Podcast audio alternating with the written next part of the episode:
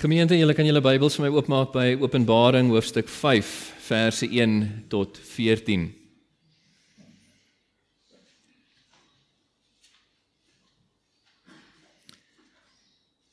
Gemeente, dit is nie die moeite werd om 'n Christen te wees nie.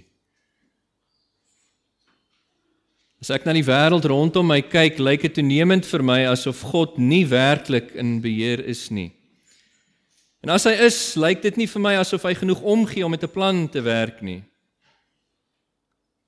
Ek meen as ek kyk na die regeringsowerhede hoe hulle voortploeter in goddeloosheid en in veragting van God se wil, sonder dit blyk asof die Here iets wil of kan doen daaromtrent. Ek meen waar is die vervulling van Psalm 2 vers 4 en 5 wat sê God sit in die hemel, hy lag, hy spot met die rebelse regerders van die aarde en hy verskrik hulle in sy toren. Die owerhede dink hulle self verhef bo enige vorm van aanspreeklikheid. Hulle word al hoe meer verhard in 'n rebelsheid teen God se wil. Hulle vorder van sleg tot sleg omdat God nie optree nie. En ek beleef regtig net antagonisme van hulle kant af teen alles waarvoor die Christen staan. Maar dis nie al nie. Die samelewing is grootendeels ook verhard teen God. Verblind vir sy waarheid, verdwaas in hulle onbybelse denke en dit veroorsaak dat ek beleef 'n vervreemding van die mense rondom my. Weens onverzoenbare opvattinge, onverzoenbare denkwyses, onverzoenbare wêreldsbeskouings. Ek beleef selfs vyandige gesindheid vanaf sommige wat nie my geloofs-oortuigings en my waardes deel nie.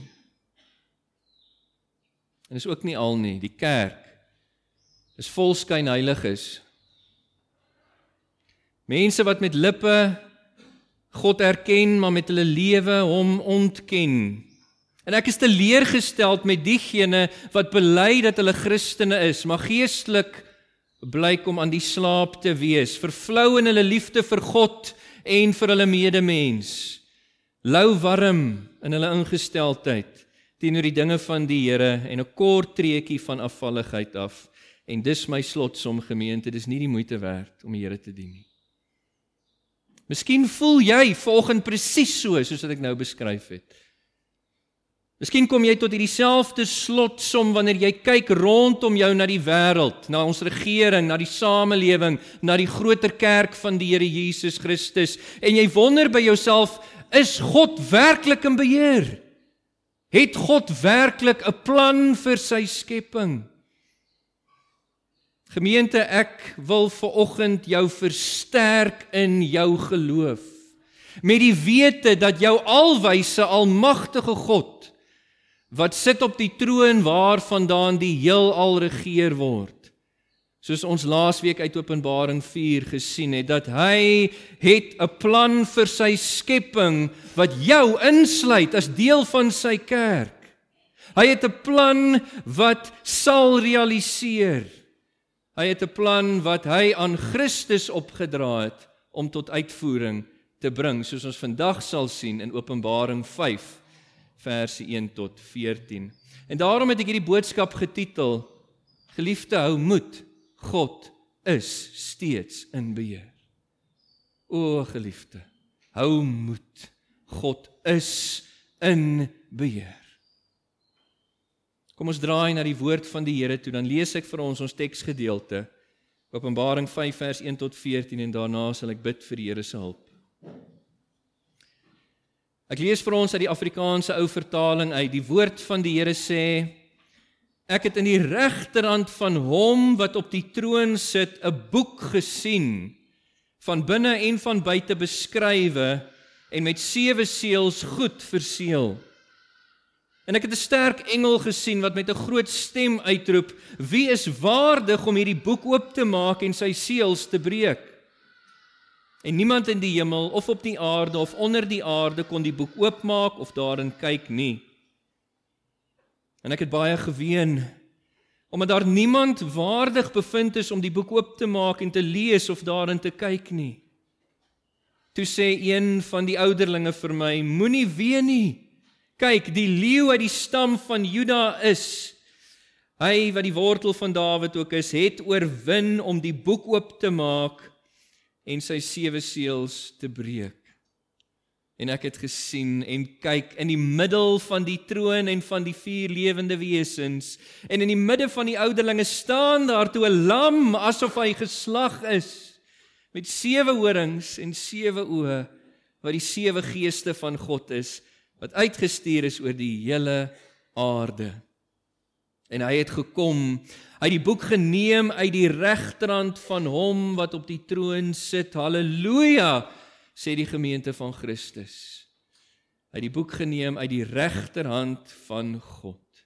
En toe hy die boek neem, val die vier lewende wesens en die 24 ouderlinge voor die lam neer elkeen met sieters en goue skale vol reukwerk wat die bede van die heiliges is. Toe sing hulle 'n nuwe lied en sê: "U is waardig om die boek te neem en sy seels oop te maak, want U is geslag en het ons vir God met U bloed gekoop uit elke stam en taal en volk en nasie en het ons konings en het ons priesters vir ons God gemaak. En ons sal as konings op die aarde heers." En toe sien ek en ek hoor 'n stem van baie engele rondom die troon en van die lewende wesens en die ouderlinge. En hulle getal was 10000de van 10000de, duisende van duisende. En met 'n groot stem het hulle gesê: "Die lam wat geslag is, is waardig om te ontvang die krag, die rykdom, die wysheid, die sterkte, die eer, die heerlikheid en die lof."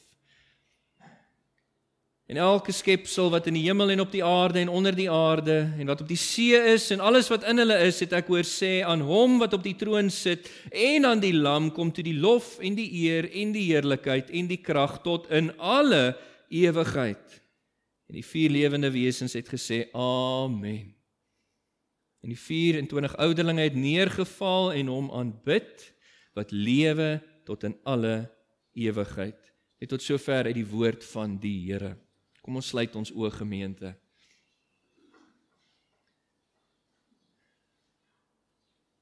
Hemelse Vader, hoe kan 'n blote mens in staat wees om u heilige woorde te kommunikeer? Daarom vra ek Here, steek my weg agter die kruis. Salf my lippe, reinig my deur die bloed en wees u aan die woord. Deur u woord die Bybel deur die werking, die magtige werking van u Gees in ons harte. Spreek u ons toe. Asseblief. Kom doen u werk in ons midde. Dit is ons verlange in Jesus se naam. Amen. Geliefde van die Here, jy moet weet vanoggend jou God regeer oor sy skepping. Ons sien hier in ons teks in die heel eerste vers van hoofstuk dat God sit op die troon. Hierdie regering van die Here was vir ons wonderlik uitgebeeld. Um in in Openbaring 4 vers 1 tot 11 wat ons laasweek na gekyk het. Ons het gesien in daardie deel van hierdie simboliese visioen, die troon staan vas in hemelse plekke en dit het met ons gepraat spesifiek van die feit dat God se heerskappy is permanent. Dit het geen einde nie. Ons het gesien daar is een op die troon in Openbaring 4 vers 2. Dit is ons drie enige God, Vader, Seun en Heilige Gees. En ons het iets geleer daaruit van sy eksklusiwiteit in sy heerskappy. Daar is geen ander op die troon nie. Hy regeer sy skepping. En ons het gesien ook in Openbaring 4 vers 2, hy sit op die troon. Hy staan nooit op van sy troon af nie. Hy negeer nie, hy abdikeer nie, hy delegeer nie sy regeringstaak nie. En ons het iets geleer daaruit van die proaktiewe aard van sy regering. Ons het gesien in daai visioen dat alles rondom die troon dien om die heerlikheid en die heerskappy van God te beklemtoon. Ek meen in 4 vers 8 het ons gesien hy word toegeroep as die Here God. Hy is die Here oor sy skepping. Heilig, heilig, heilig is die Here God die Almagtige wat was, wat is en wat kom. En hy word ook aanbid in 4 vers 11 as die Skepper wat aan die hoof staan van alles wat hy geskaap het. Soos die teks sê, U is waardig, o Here, om te ontvang die heerlikheid, die eer, die krag, want U het alles geskape en deur U wil bestaan hulle en is hulle geskape. God is in beheer. En wat jy ook moet weet geliefde is dat jou God het 'n plan vir sy skepping wat jou as deel van sy kerk insluit. Ons sien hier in vers 1 van ons teks hierdie een op die troon Die verhewe Vader het in sy regterhand 'n boek. Nou in die antieke wêreld sou dit 'n boekrol wees, 'n strook papirus wat in 'n stokkie toegerol word. En dit is daarom dat die 1983 Nuwe Afrikaanse Bybel, die 2020 direkte vertaling dit vertaal as boekrol. En hierdie boek geliefde, let op, is 'n simboliese verwysing van na God se ewige raadsplan is belangrik dat ons die simboliese betekenis van hierdie boek verstaan om die teks te verstaan. Dis 'n verwysing na God se ewige raadsplan, sy dekreet wat vasgelê was voor die skepping van die wêreld, wat alles omvattend is vir sy regering van sy skepping in die belange van sy kerk. Ek hoop julle het dit reg gehoor. God regeer altyd oor sy skepping in die belange van sy kerk. Hierdie boek simboliseer God se doelstellings met betrekking tot die heelal dwars deur die geskiedenis, rakende alle skepsels in alle eeue tot in alle ewigheid. As die seels van hierdie boek geopen word en die boek oopgemaak word, dan beteken dit God se plan vir sy skepping realiseer, dit kom tot uitvoering spesifiek met betrekking tot sy kerk. En daarom verstaan ons waarom Johannes so ween. Die teks sê hy het baie geween hier in vers 4. Want as die seels nie gebreek word nie, die boek nie oopgemaak word nie, sal God se plan vir sy skepping nie realiseer nie. As hierdie boek se seels nie gebreek word nie, as hy nie oopgemaak word nie, is daar geen sekerheid van verlossing vir die kerk nie. Dan is daar geen versorging wat tog te sê van beskerming vir die kerk in haar verknorsing wat sy op aarde moet verduur nie. Dan is daar geen uiteindelike oorwinning en verheerliking vir die kerk nie. Dan is daar geen reg en geregtigheid wat sal geskied vir die vervolgers van die kerk nie. Dan is daar geen finale veroordeling van Christus en die kerk se vyande nie. Dan is daar geen vernuwe koninkryk in die nuwe hemel en nuwe aarde nie. Dan is daar geen ewige erfenis in die teenwoordigheid van God vir die kerk nie. Ons kan verstaan waarom Johannes bitterlik ween toe hy gedink het daar is niemand waardig om hierdie boek oop te maak nie. Hierdie simboliese beeld van die boek kom uit die Ou Testament uit. In Jesegiel 2 vers 9 en 10 lees ons van presies so 'n boek wat gegee was, 'n boekrol volgeskryf voor en agter aan Esegiel. Hy moes dit eet en dan moes hy die woord van die Here profeteer en in Esegiel leer ons dat daai boekrol was vol treurliedere, versigtings, weeklagte. En dit impliseer vir ons dat hierdie boek in die regterhand van die Vader bevat die plan van God vir sy skepping bevat sy oordeele oor die ongelowige wêreld oor die vyande van Christus en die kerk. Geliefde wat jy ook moet weet, is dat God se plan vir sy skepping sal tot uitvoering kom. Dit sal. Let op waar is hierdie boek in hoofstuk 5 vers 1. Dit is in die regterhand van hom op die troon. Die regter of sterk hand simboliseer God se almag hierso En hy was inderdaad binne die konteks aanbid in hoofstuk 4 vers 8 as die almagtige, né? Heilig, heilig, heilig is die Here God, die almagtige. Psalm 115 vers 3 sê dat God is verhewe bo die ganse aarde. Hy sit in die hemele. Hy voer sy heilige plan uit. Daniël 4 vers 35 voeg by: Hy doen met die skares van die hemele, met die bewoners van die aarde soos hy wil volgens sy raadsplan. Niemand kan sy hand afslaan en vir hom sê wat doen u nie. Hy is die almagtige en by magte om toe te sien dat sy plan vir sy skepping tot uitvoering kom. Dit sal realiseer. Iets anders wat jy moet weet uit die teks uit is dat hierdie plan van God vir sy skepping is ook omvattend Let op in vers 1, hierdie boekrol in die regterhand van hom wat op die troon sit is vol geskryf, nie net binne-in nie, maar ook op die agterkant. Wat vir ons sê dat God se plan vir sy skepping sluit heelwat in. En hierdie idee word versterk deur die res van die skrifte, soos byvoorbeeld Efesiërs 1 vers 11 wat vir ons sê God werk alle dinge. Nie net sommige dinge nie, alle dinge, ook wat jou in my lewe insluit. Hy werk alle dinge volgens die raad van sy wil.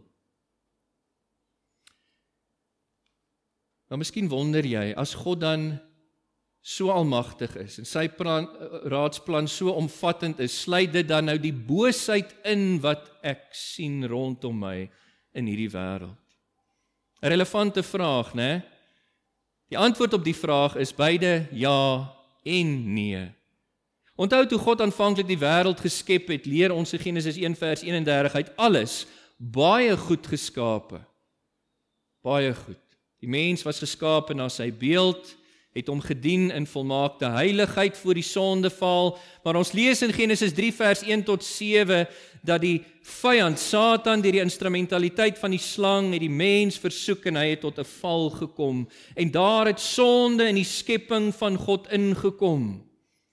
Die skepping bederf. Adam, ons eerste voorouder en verteenwoordiger het sonde geword met betrekking tot sy natuur en ons wat uit hom uitgebore is, erf vanaf hom sonde skuld en ook sy sonde smet, daai sondige natuur waarmee ons daagliks worstel.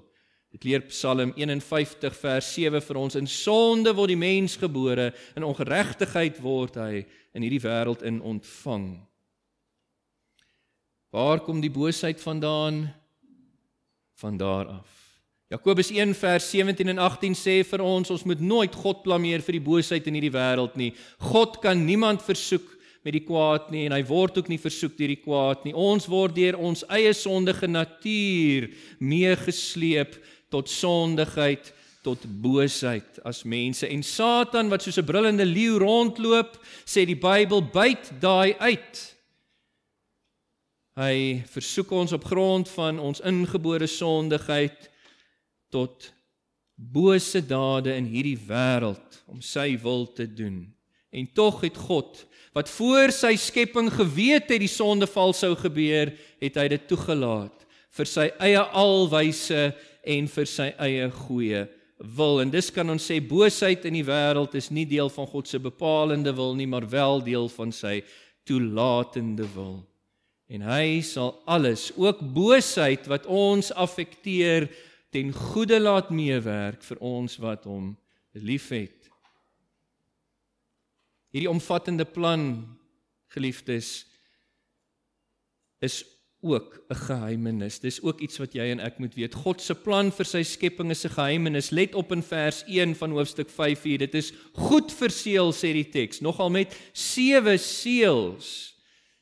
Hierdie seels was waarskynlik aan die buitekant van hierdie toegerolde boekrol vas sodat jy al sewe seels moet oopmaak voordat jy die boek kan ooprol. Ek het al vir julle gesê in die verlede, die getal 7 het 'n simboliese konnektasie in die Bybelse genre van apokaliptiese profesie. Dit is uh die getal van volmaaktheid, volkomendheid. Dit verwys hier na die feit dat God se plan is volkome verseël en niemand vir wie hy nie die reg gee nie kan in sy plan insien nie. Kan sy plan tot uitvoering bring nie met ander woorde. Deuteronomium 29 vers 29 sê vir ons die geheime dinge behoort aan die Here. Maar dit wat die Here geopenbaar het aan ons deur sy woord, dit is vir ons. En daar's baie in God se volmaakte plan vir sy skepping wat ons nie verstaan nie. Want ons is nie God nie. Hoe kan beperktheid ooit die weë van 'n onbeperkte God ten volle verstaan? Ons kan nie. Maar ons weet dat ons God is goed. Dit word oor en oor en oor bevestig vir ons in sy woord. En daarom weet ons ook die redes en motiewe agter dit wat hy toelaat en die uiteindelike uitkomste van dit wat hy toelaat is altyd goed. Die Here wil hê jy moet ook weet ver oggend, geliefde, dat hy het vir Jesus gemagtig om hierdie plan vir sy skepping uit te voer.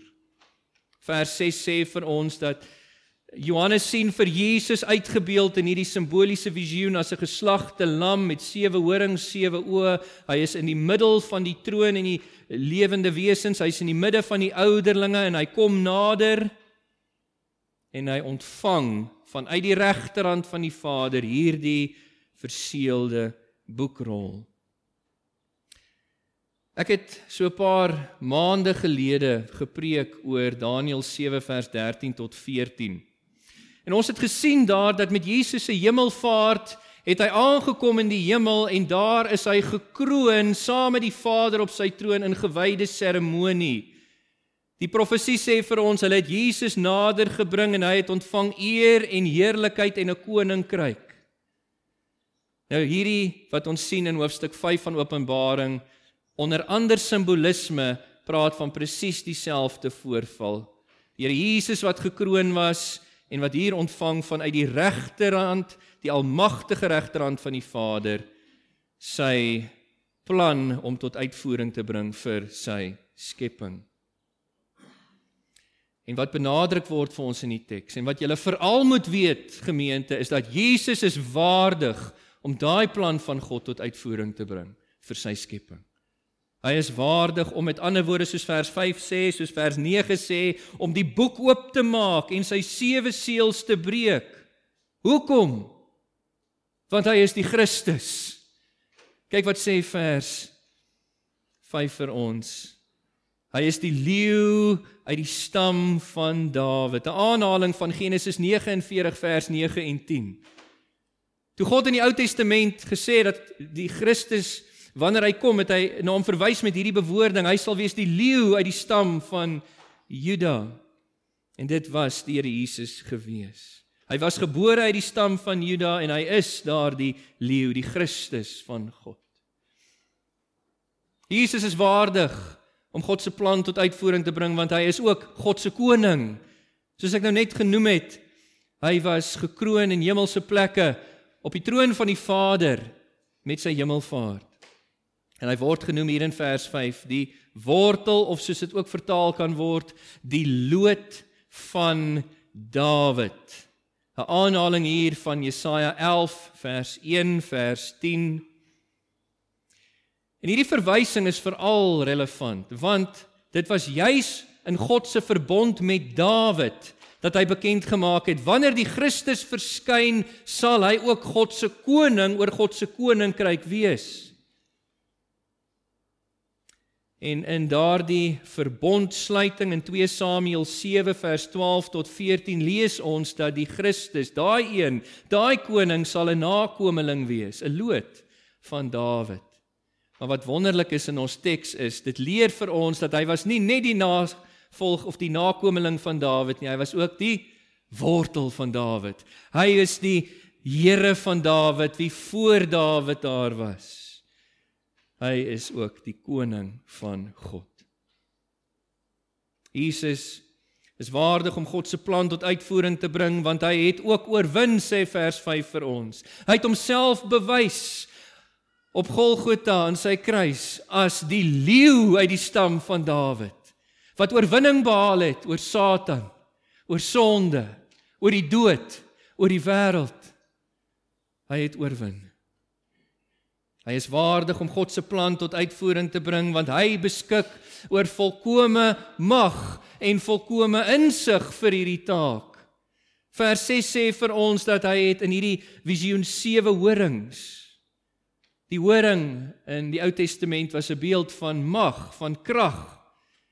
En hy het sewe horings wat aandui dat hy volmaak is in mag vir hierdie taak wat die Vader hom opgelê het.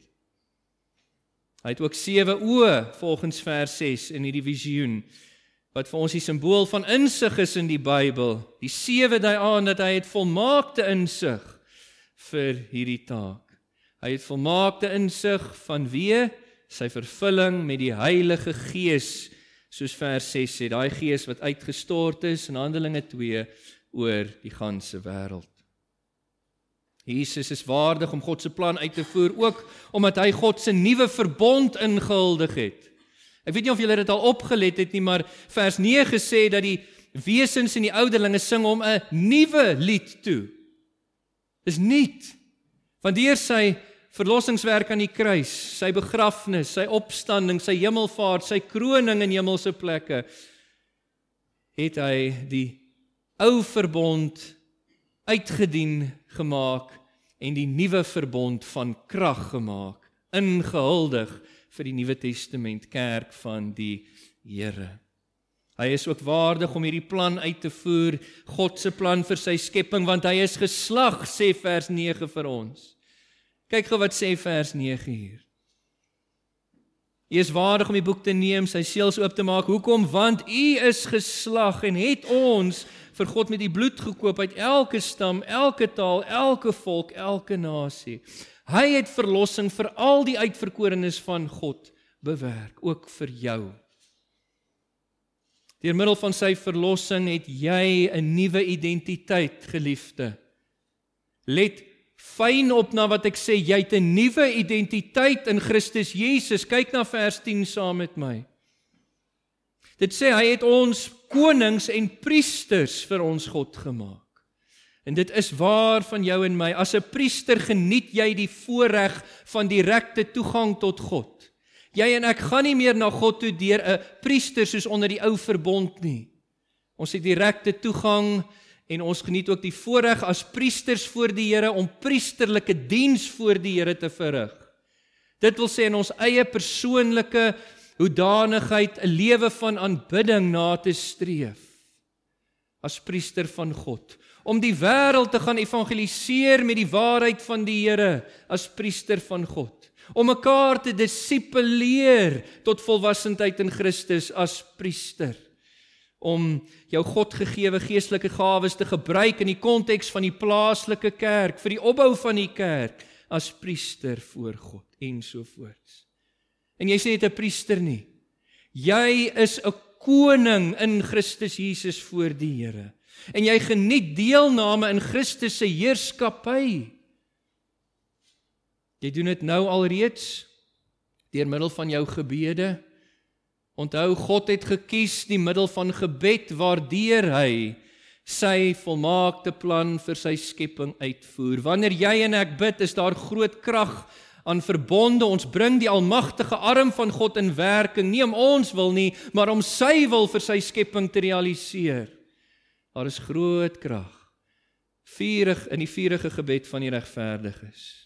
En nou alreeds deel ons in Christus se uitvoer uitwerking van God se plan vir sy skepping deur ons gebede, maar ons sal in die nuwe hemel en nuwe aarde meer volkome deel in daai heerskappy. Kyk wat sê vers 10 ook.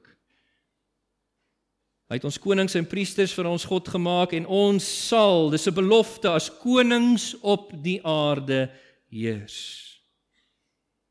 En helaas wil ek ook net hierdie punt maak. Jesus is waardig om God se plan vir sy skepping uit te voer, want hy was nie net geslag nie, gemeente. Hy wat hy het ook opgestaan en opgevaar na die hemele. Kyk waar sien Johannes hom in hierdie visioen. Hy staan in vers 6. Is dit nie besonders nie? Die dood kom hom nie vashou nie. Hy die dood oorwin. Hy staan regop in die middel van die troon en die vier lewende wesens in die midde van die 24 ouderlinge. Hy is saam met God op sy troon soos hoofstuk 3 vers 21 vir ons gesê het en daarvandaan sal hy God se plan vir sy skepping tot uitvoering bring. Wat jy ook moet weet, geliefde, is dat Jesus se waardigheid om God se plan vir sy skepping uit te voer word beamoen vir ons in die teks in geen onsekere terme nie. Dit word beamoen deur die verering van Jesus saam met die Vader vanaf vers 8 tot en met vers 14. Ek gaan nie alles weer vir julle lees nie. Maar ons sien die wesens, die ouderlinge vereer hom. Daarna sien ons die hele engele skare vereer hom. Daarna sien ons die hele skepping tesame hef hulle stemme op in verering van die lam saam met die Vader op die troon. En Jesus se waardigheid om God se plan uit te voer word ook beamoen deur sy ontseeling van die boekrol wat dadelik begin soos wat hy dit ontvang. En ons gaan as die Here ons spaar en dit sy wil is volgende week begine kyk na die ontseeling van hierdie boekrol in Openbaring 6. Vorentoe in Openbaring sal ons sien dat Jesus die lam is sentraal in die uitvoering van God se plan vir sy skepping. Hy breek die seels wat die kerk se lot op aarde bekend maak. Hy sit op die troon saam met die Vader waarvandaan die trompette van waarskuwing weer galm. Hy sit op die troon saam met die Vader waarvandaan die bakke van straf gerig op die ongelowige bewoners van die aarde uitgegiet word en so meer. Gemeente, ek hoop jy is verseker in jou hart van dit wat ons ver oggend uit die woord van die Here gehoor het. Jou almagtige en alwyse God en Vader sit op sy verhewe troon waarvandaan die heelal regeer word. Hy het 'n plan vir sy skepping wat jou insluit as deel van sy kerk. Daai plan sal realiseer want hy het dit aan sy Christus, sy koning opgedra, Jesus Christus om dit tot uitvoering te bring soos ons gesien het in Openbaring hoofstuk 5. En daarom het jy nie nodig om oor te gee aan moedeloosheid en hopeloosheid en te ween soos Johannes in die teks nie. Wat sê die koortjie? God is nog op die troon en hy sal sy almag ons toon. As laste te veel is en droefheid my deel is en alles kan ek hom vertrou. God is nog op die troon en hy sal sy almag ons toon. Sy woorde is waar, hy self het verklaar. God is nog op die troon. Ons moet dit onthou gemeente.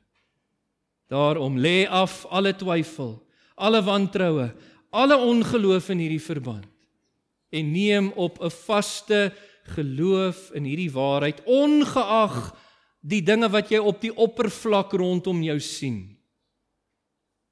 Wees standvastig in die geloof en herinner jouself gereeld en herinner mekaar gereeld aan hierdie waarheid. Ons het nodig om mekaar te versterk in hierdie waarheid.